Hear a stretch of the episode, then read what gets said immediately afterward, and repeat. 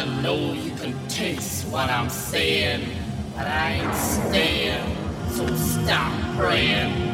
I'm releasing a again. It's a sin. You ain't unidentified. You know who you are. So let's go, friend.